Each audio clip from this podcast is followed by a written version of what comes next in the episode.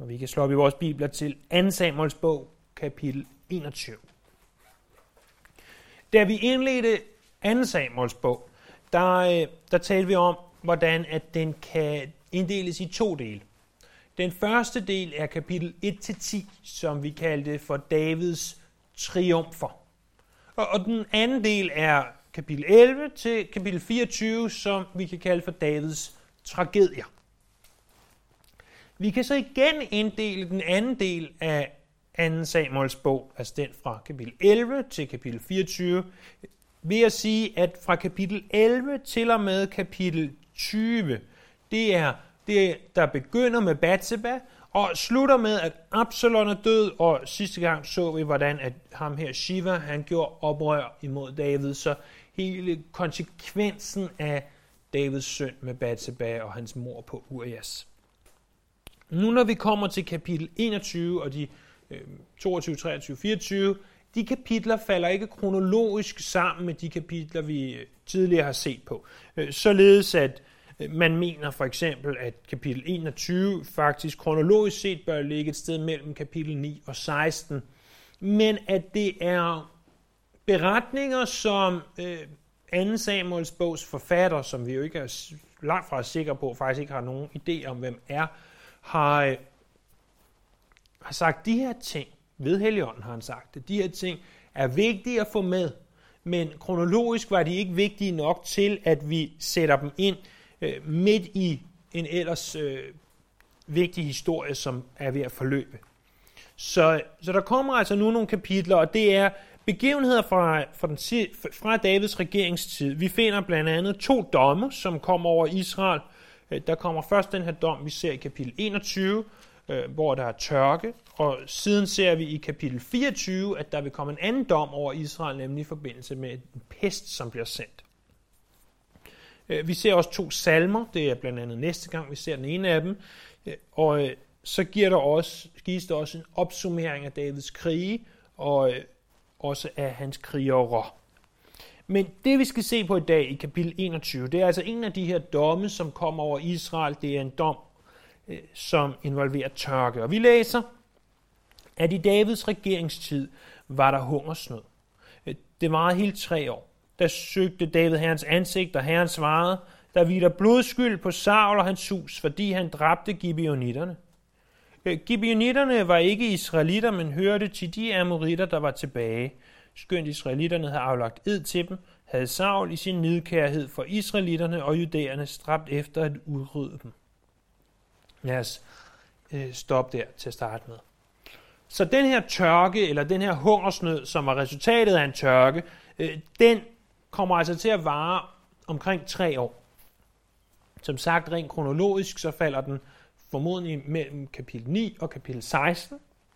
Og Gud havde i loven sagt, at der vil være konsekvenser ved at, at bryde øh, øh, loven. Han siger, Tag jer i agt, at I ikke lader jer lokke, så I kommer på afvej og dyrker andre guder og tilbeder dem. For der vil Herrens rede flamme op imod jer. Han vil lukke himlen, så der ikke kommer regn, og jorden ikke giver sin afgrøde, og så bliver I meget snart udryddet fra det herlige land, som Herren vil give jer.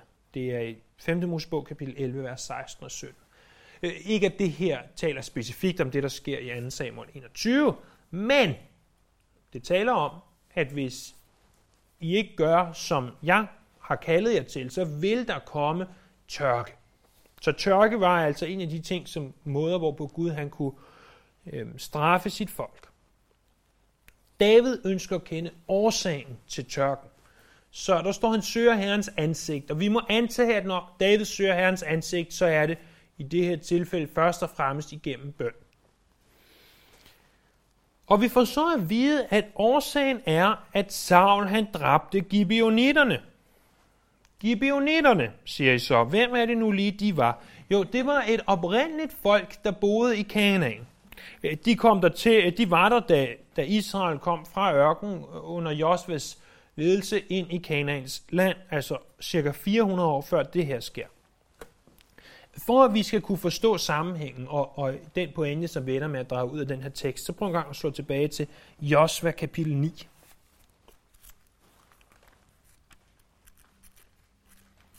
Josvebogen kapitel 9.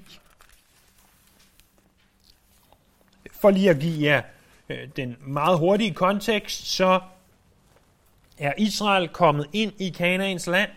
Øh, de har erobret Jericho i kapitel 6. De har øh, forsøgt at erobre Ej, byen Ej i kapitel 7, men mislykkes, fordi at Akan han har øh, gjort det, han ikke skulle. I kapitel 8 lykkes det at erobre Ej. Så de har taget de her to øh, rimelig vigtige byer, øh, Jericho og Ej, ved Guds hjælp. Og så sker der det i kapitel 9, og vi begynder i vers 3. Men da Gibeons indbyggere hørte, hvad Josva havde gjort med Jericho og Ej, greb de også til list.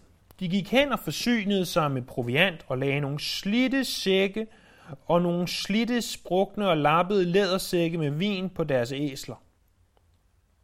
De tog slitte lappede sandaler og slitte klæder på, og alt deres proviant var tør og smuldret. Så tog de afsted til Josva i lejren i Gilgal og sagde til ham og til israelitterne, vi kommer fra et fjernt land. Slut pagt med os. Men israelitterne sagde til hivitterne, I bor måske lige i nærheden af os. Hvordan kan vi så slutte pagt med jer? De sagde til Josva, vi er dine trale. Josva spurgte dem, hvem er I og hvor kommer I fra? Og de svarede, dine trale kommer fra et meget fjernt land. For Herren, din Guds navns skyld. For vi har hørt øh, rygtet om ham, om alt, hvad du, han gjorde i Ægypten, og om alt, hvad han gjorde med de to konger øst for Jordan, kong Sihon og Heshbon i Bashans konge, øh, Og i Ashtaroth. Derfor sagde vores ældste og alle indbyggerne i vores land til os, tag proviant med til rejsen, gå dem i møde og sig til dem, vi er jeres trale, slut pak med os. Her er vores brød, det var nybagt, da vi tog hjemmefra, dengang vi gav os på vej til jer. Se nu, hvor tørt og smuldret det er. Og her er vores lædersække med vin. De var nye, da vi fyldte dem. Se nu, hvor sprukne de er. Og sådan ser vores klæder og sandaler ud. De er helt slidte op på den lange rejse.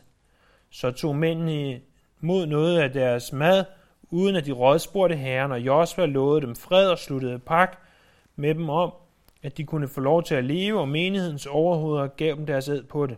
Tre dage efter, at israelitterne havde søget pak med dem, hørte de, at gibeonitterne var naboer til dem og boede lige i nærheden. Så brød israelitterne op og kom to dage efter til deres byer. Det var Gibeon, Kefira og Beerot og Kirjat Jerim. Men israelitterne slog dem ikke ihjel, fordi menighedens overhoveder havde aflagt ed ved Herren, Israels Gud. De gav hele men, der gav hele menigheden ondt af sig mod overhovederne, når de sagde til menigheden, vi har aflagt ed ved Herren Israels Gud. Nu kan vi ikke røre dem. Sådan vil vi gøre med dem. Vi vil lade dem leve, så vi ikke rammes af vrede på grund af den ed, vi aflagde dem. De skal få lov til at leve, sagde de, men de skal være brændehugger og vandbærere for hele menigheden. Og det blev, som overhovederne havde sagt. Josva kaldte mændene fra Gibeon til sig og sagde til dem, hvorfor narrede I os og sagde, at I boede meget, meget langt borte, når I bor lige i nærheden? Nu skal I være forbandet. Ingen skal slippe for at blive træl. I skal være brændehugger og vandbærere ved min Guds hus. De svarede jo også, at dine trælle havde fået at vide, at Herren, din Gud, havde indskærpet for sin tjener Moses, at han ville give jer hele landet og udrydde alle landets indbyggere foran jer. Derfor nærede vi stor frygt for vores liv, og vi bare sådan ad. Men nu er vi i din magt, og gør med os, hvad du finder godt og rigtigt. Og Josua gjorde sådan med dem. Han reddede dem fra israelitterne, så de ikke dræbte dem, men samtidig gjorde han dem til brændehugger og vandbærer for menigheden og for Herrens alter på det sted, han ville udvælge. Og det er de den dag i dag. Jeg ved godt, at det er et langt afsnit at læse op, men det burde være relativt lige til at forstå. Jeg skal nok opsummere det lige om lidt. Og, og det er simpelthen nødvendigt at have det her med, for at forstå, hvad det er, der kommer til at ske i 2. Samuels bog, kapitel 21. Øh, de siger altså ved list i vers 4, øh, så gjorde de det her. De, de snød sig simpelthen til at bevare deres liv. I vers 6, der siger de, slut en pagt med os. Det er jo øh, hebraiske ord for pagt, det er berit. Berit, som også er det udtryk, der bruges tidligere i Bibelen, blandt andet i forbindelse med Abraham øh, og pagterne, som Gud stifter med hans folk, eller med sit folk. I vers 7 ser vi, at de kaldes hivitter. Øh, hivitter kunne være en generel betegnelse for de, der boede der. Vi kender dem også som kananæer. Her i 2. Samuels bog bruges en anden, lidt mere generel betegnelse. Øh, så der er nogle ord der, som, som går igen. Det er ikke voldsomt vigtigt, det er blot, så I kan være opmærksom på det. Og vers 20 er ganske centralt. Lad os lige læse det en gang til. Sådan vil vi gøre med dem. Vi vil lade dem leve, så vi ikke rammes af vrede på grund af den ed, vi aflagde til dem. Så vi har altså de her gibeonitter, der snyder sig til at overleve, og snyder sig til den her pagt, og til trods for, at de har snydt sig til den, så står Israel ved det, de har lovet. Det er kernen i det her, Øh, Josua kapitel 9. På et eller andet tidspunkt i Sauls regeringstid, vi er nu tilbage i 2 Samuel 21, på et eller andet tidspunkt i, i Sauls regeringstid, vi ved ikke hvornår, der er han altså gået hen og, og lavet en, øh, en udryddelseskampagne af gibeonitterne. Og, øh, og der står, at han med stor iver han hørte til amoritterne, der tilbage, skønt israelitterne øh, havde ret ed på dem, havde Saul i sin, nej, i sin nedkærhed, var det udtryk, der bruges for israelitterne, og judæerne stræbt efter at udrydde dem. Så han har i stor nedkærhed øh, forsøgt at udrydde de her gibeonitter. Øh, ordet nedkærhed er jo et gammelt udtryk, som ikke bruges så meget mere i dag. Det betyder noget i retning af at være overdreven ivrig i en sag. Og, og vi ser oftest nidkærhed som noget, noget dårligt og noget negativt. Og vi, for eksempel så vi, at Saulus, som senere skulle blive til Paulus, han var nidkær i at slå øh, de kristne ihjel, øh, inden han selv blev omvendt. Men senere var han nidkær efter at prædike evangeliet. Det er vigtigt at understrege, at fordi nogen brænder for en god sag, i det her tilfælde så brændte Saul for, at Israel og Juda skulle blive fri for alle det folk, som, øh, som stadigvæk boede der, som de ikke havde formået at få udryddet, som Gud egentlig havde sagt, de skulle. Selvom man brænder for en god sag, så kan man godt brænde for den på en måde, som er forkert. Selvom man brænder for en god sag, kan man godt brænde på den øh, for den sag på en måde, som egentlig ikke er rigtig. Så lad os altid huske det er det, vi brænder for en sag. At vi må brænde for den sag på den rigtige måde.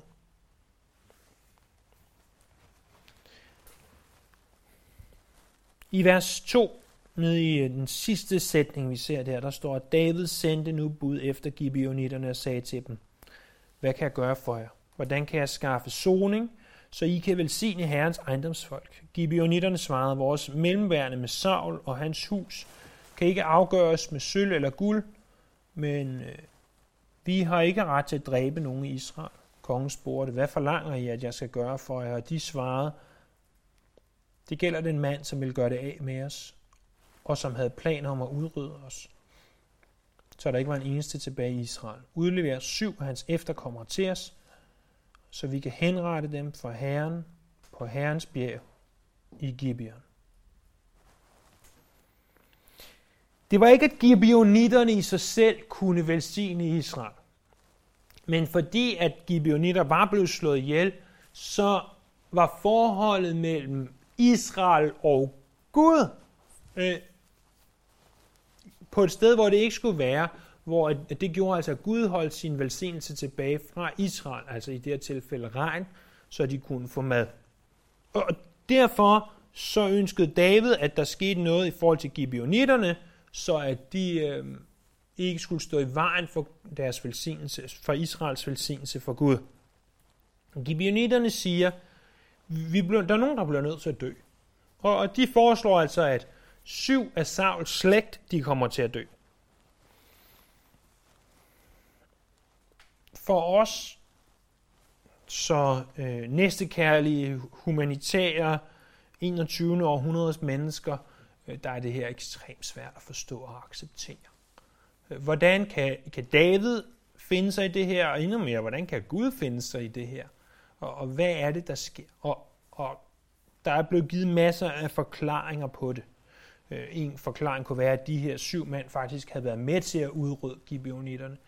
Men til syvende og sidst må vi indrømme, at vi har ikke en forklaring på det. Og det er altså her, hvor vi må enten læne os tilbage eller falde til vores knæ og sige, Gud, jeg forstår ikke det her fuldt ud. Jeg forstår simpelthen ikke, hvorfor at syv mænd skal dø, så du igen kan give Israel regn. Øh, og det, det er der, vi bliver nødt til at tro. Og det er der, vores grundindstilling til Gud og til hans ord er ekstremt vigtig. Hvis vores grundindstilling til hans ord og til øh, ham er, at han er evig god, men han er samtidig alvidende og alvis, og hans ord er sandt, Men så bliver vi nødt til at acceptere, at det er sådan her, og at Gud gjorde det af årsager og grunde, som vi ikke kender. Og, og så lad det ligge ved det. Men, men jeg kan godt forstå, hvis nogen forarves over det her. Jeg kan godt forstå, hvis nogen har det svært ved det her. Øhm, men nu engang var det sådan, det var. Øh, og, og vi må huske, at de levede i en anden tid, end vi gør. Men det er ikke nødvendigvis, at det er en undskyldning øh, eller en særlig god forklaring, men alt andet lige, så er det sådan, det er. I vers 7-9, der står, men kongen skånede med Fibochet, Jonathans søn, Sauls sønnesøn, på grund af den ed, som David og Sauls søn Jonathan havde aflagt hinanden ved herren.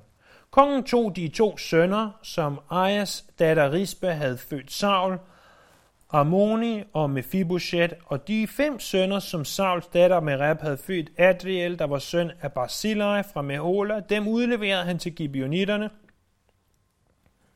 som henrettede dem på bjerget for Herrens ansigt.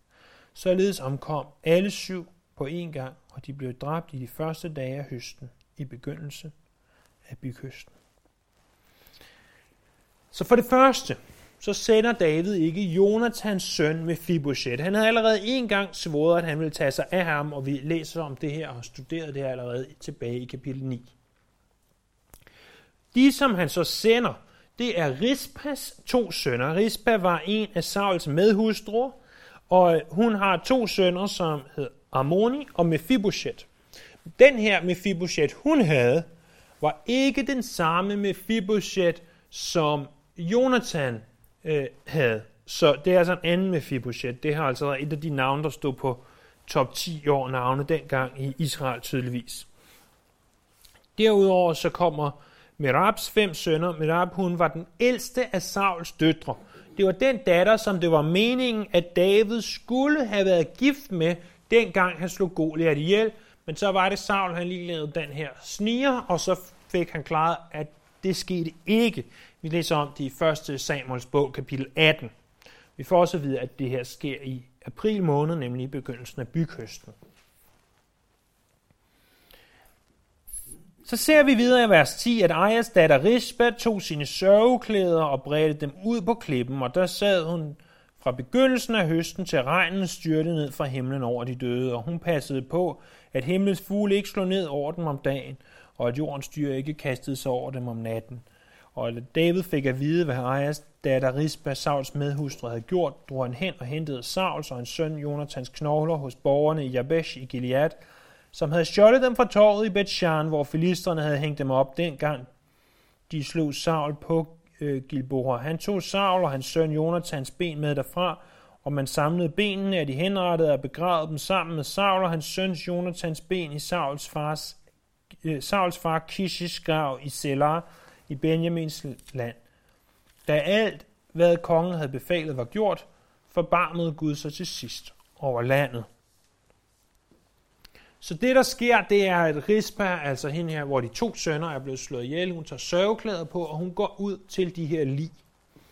Man har formodentlig, hvad vi kan slutte ud fra sammenhængen, sagt, at vi vil ikke begrave de her syv døde, før der kommer regn. Vi lader dem ligge ude, indtil regnen kommer. Og Rispa har så godt vidst, at hvis de her lig ligger ude, så kommer der vilde dyr og fugle hen og, og spiser af mine børns lig og hun satte sig altså ud og holdt vagt ved dem. David hører om det her, og han ved godt, at situationen er, ja, for at sige det på moderne, super ufed. Det er virkelig, virkelig ikke særlig øh, heldig situation, som landet står i. På grund af det Saul han gjorde. Så for at vise Sauls familie, at, at David ikke bærer nag imod Saul, så tager han til Jabesh i Gilead og henter Saul og Jonathans knogler tilbage. Og det var jo sådan, at da Saul og Jonathan i 1. Samuels bog, kapitel 31, dør, så øh, hænger filisterne deres lemmer op på muren i øh, Bethshan, som her betegnes som torvet. Så tager indbyggerne fra Jabesh i Gilead, som var den her by, som Saul tidligere havde hjulpet, øh, de tager hen, henter deres lig og tager dem tilbage til Jabesh i Gilead og begraver dem der. Nu tager David til Jabesh i Gilead og henter dem derfra tilbage til Benjamins land og begraver dem i deres familiegrav. Og på den måde så ærer han altså Saul, i særdeleshed sikkert også Jonathan. Og vi ser, at efter det her, vers 14, slutningen af vers 14, så forbarmer Gud over landet, og der kommer igen regn.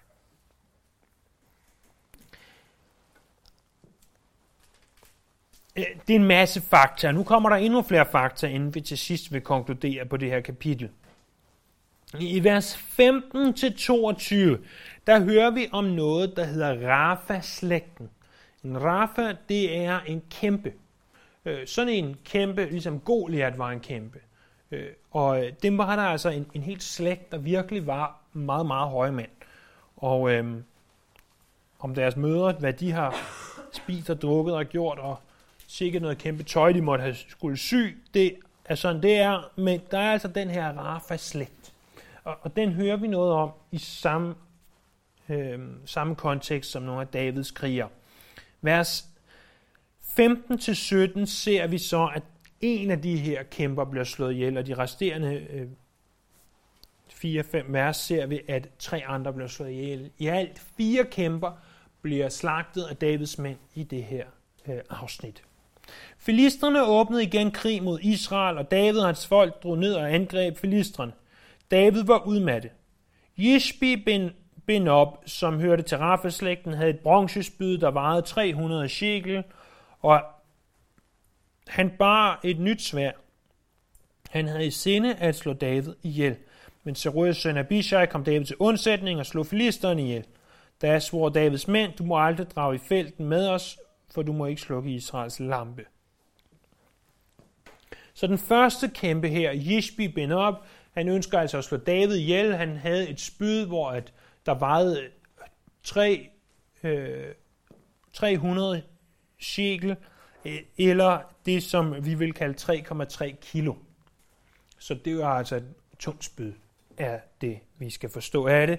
Abishai, Davids nevø, han sørger for, at øh, en af de her to sønner, han sørger for, at David ikke bliver slået ihjel, og øh, på den måde klarer de den første kæmpe. Den anden kæmpe vender, hører vi om i vers 18. Nogle tid efter blev der igen krig i Gob med filistrene. Ved den lejlighed blev Saf, der hørte til Rafa-slægten, dræbt af Sibekai fra Husha.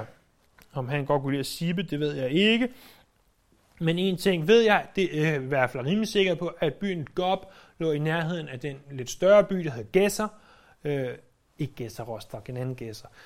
Okay, jeg kan godt mærke, at nu, nu er vi så langt ude, så vi vil have de dårlige jokes. Ikke? Det er cirka 35 km vest fra Jerusalem. Og ham her, øh, Sibekar her, han øh, kommer fra Husha, han slår Saf ihjel. Vers 19.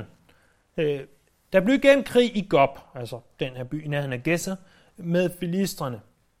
El Kanan, der var søn af Jair fra Bethlehem, dræbte Gatitten Goliat, hvis spydsdage var som en væverbom. Er nogen af jer, der læste, hvad der stod der? Er nogen af jer, der lyttede? Er der nogen af jer, der er vågne stadigvæk? Fordi det, der står, det er, at Elkanan, der var søn af Jair fra Bethlehem, dræbte Gatitten Goliat, hvis spydstage var som en væverbog.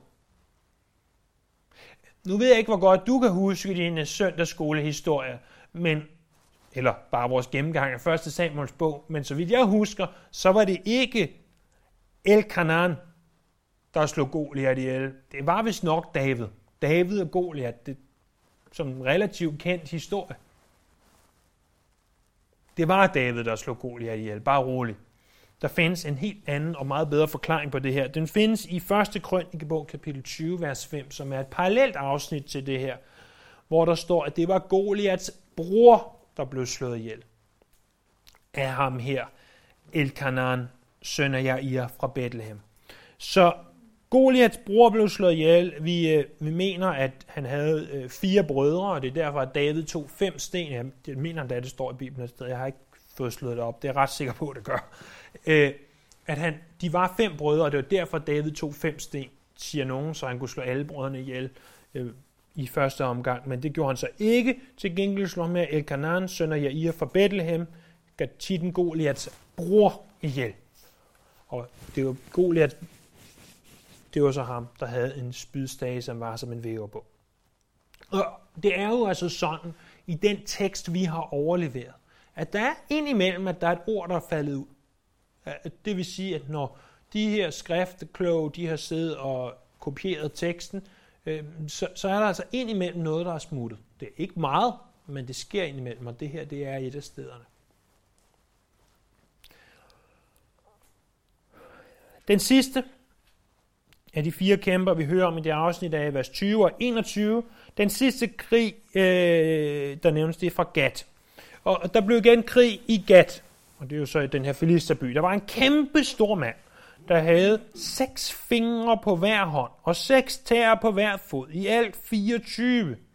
Så han har kunnet regne ham, der har lavet det her. Ikke? Øh, han hørte også til Rafa-slægten. Han hånede Israel. Men Jonathan Øh, der var søn af Davids bror Shimmer, slog ham ihjel. Så vi lærer en meget vigtig ting i det her afsnit. Det er, at Jonathan var en anden af de navne, som stod på den her liste over øh, velkendte navne i Israel på det her tidspunkt. For det var der altså også mere end en, der hed. Der er en mand, 24 fingre og tær til sammen. Det er ganske unormalt, men det havde nogle af de her kæmper altså øh, af en eller anden grund. Og det er Davids nevø øh, igennem Davids bror Shima, øh, Davids nevø Jonathan hed han, der slår den her kæmpe store mand ihjel.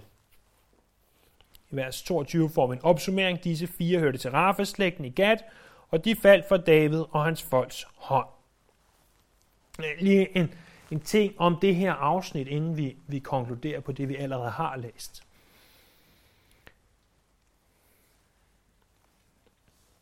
Vi får nogle detaljer om de her fire kæmper. Og vi kan gå tilbage og læse 1. Samuel kapitel 17 om David og Goliath. Når vi læser om israelitter, der kæmper imod kæmper, øh, så bliver vi nødt til altid at lade os selv mindes om, at i vores liv eksisterer der kæmper.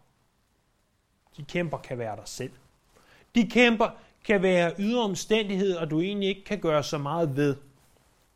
Det kan være de ting, som, som du har svært ved, og som kommer ind i dit liv.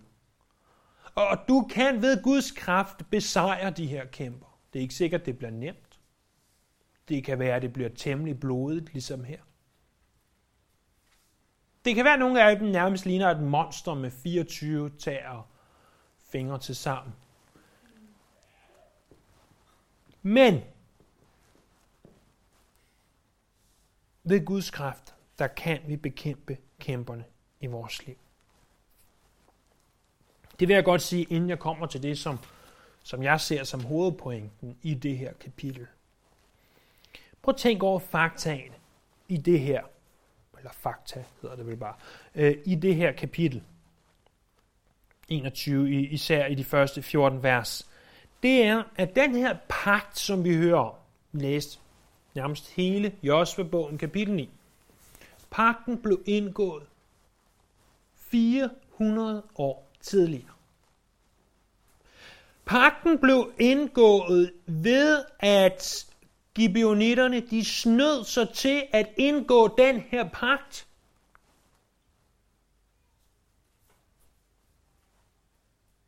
Hvis nu jeg gik hen til, til Tommy og sagde, hej Tommy, vil du ikke hjem og have kaffe hos mig her i dag? Og siger, jo, det, det kunne jeg da godt tænke mig. Og når jeg så kommer hjem til mig, så står jeg klar med skruetrækker og hammer og alt muligt andet og siger, kan du ikke lige lave det her for mig? Så kunne det godt være næste gang, jeg spurgte ham, om han ikke ville hjem og have kaffe, han så tænkte sig om en ekstra gang. Øh, fordi at, at jeg snød mig til hans hjælp, frem for hvis jeg sagde, hey, kan du komme og gøre sådan og sådan, og han så måske ville være flink og sige ja.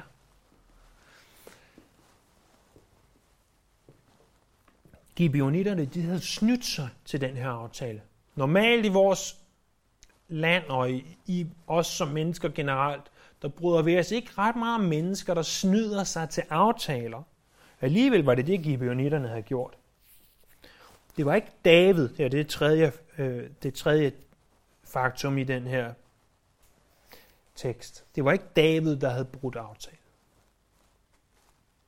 Det var Saul, der havde brudt aftalen. Og alligevel så er det David, der må ind og rydde op efter ham. Og Saul er endda allerede død og begravet på det her tidspunkt.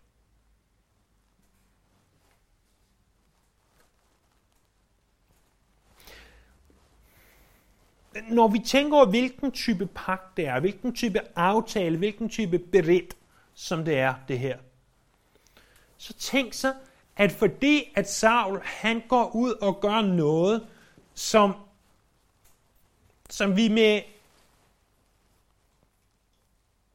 øjnene på, hvordan at situationen var for 3.000 år siden i Israel under Saul og David, må tænke, det er da noget godt. Altså det jeg mener er, at gå ud og sige, jeg vil udrydde de folk, som Gud har sagt ikke skulle være her. Det, det ved jeg godt, at i dag, hvis vi gik ud og begyndte at gøre det, så vil vi blive erklæret alt muligt. Men, men dengang, når man var konge, så var det altså det, man gjorde. Det, det var noget typisk, man gjorde. Og Saul er gået ud og gjort noget øh, i stor nedkærhed for Israel, for Juda. Og han har gjort det, hvad vi umiddelbart kan se ud af teksten, det nævnes ikke andre steder i Bibelen det her, så han gjorde det ud af et oprigtigt hjerte, ud af de rigtige grunde. Og alligevel så straffes landet i tre lange år med tørke og hungersnød. Fordi de har brudt en pagt.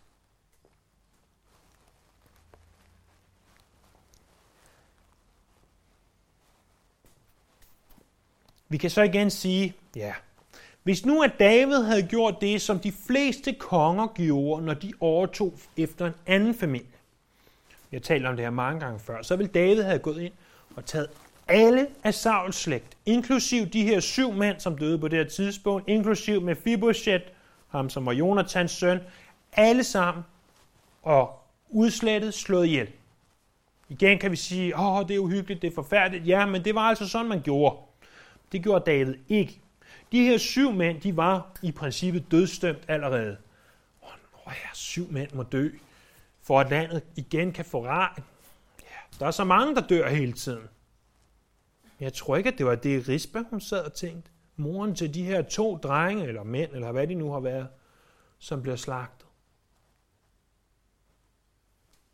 For hende så har det været ganske, ganske forfærdeligt at hendes to elskede drenge, vi formoder ud fra, fra sammenhængen af tid og så videre, at de har været øh, teenage-drenge, de to her, at de bliver ja, henrettet.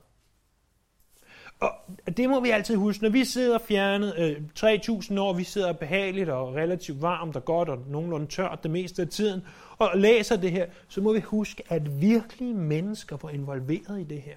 Prøv at sætte dig i Rispas sted. Prøv at tænk på, da de kom ind og henter de her to drenge og siger, ja desværre, I er familie med Saul, vi bliver nødt til at slå dem ihjel, så vi igen kan få regn. Ganske, ganske forfærdeligt på det personlige plan. Ganske forfærdeligt. Alt det her sker.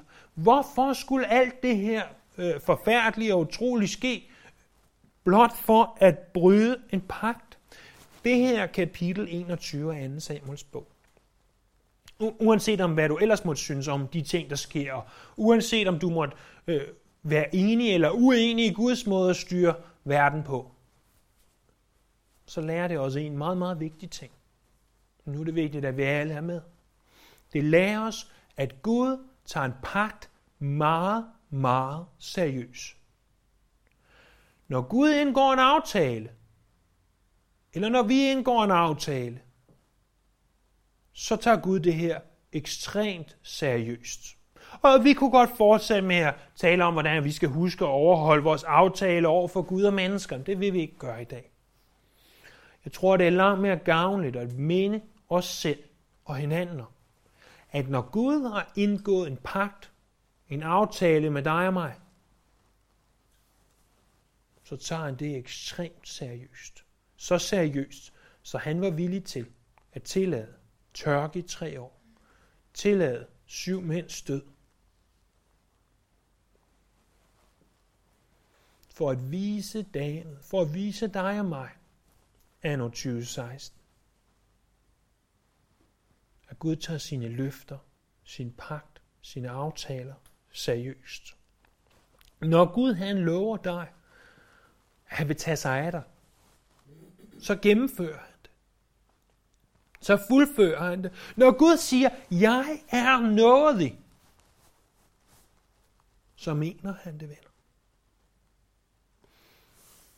Når, når Gud siger, hvis du tror på mig, hvis du overgiver dit liv til mig, så vil du blive frelst.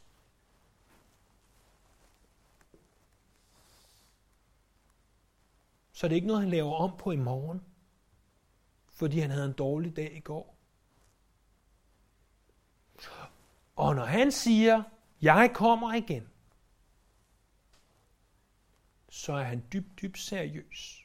Og så ved vi, at det vil ske. Venner, du og jeg, vi bryder aftaler i et væk. Men Gud, han bryder ikke sin pagt med os og sine pagter med os. Og de ting, han har sagt, dem står han på mål for. De ting, han har sagt, dem holder han. Dem gennemfører han. Fordi han tager sin pagt, sine pagter og sine løfter dybt, dybt seriøst. Lad os bede sammen.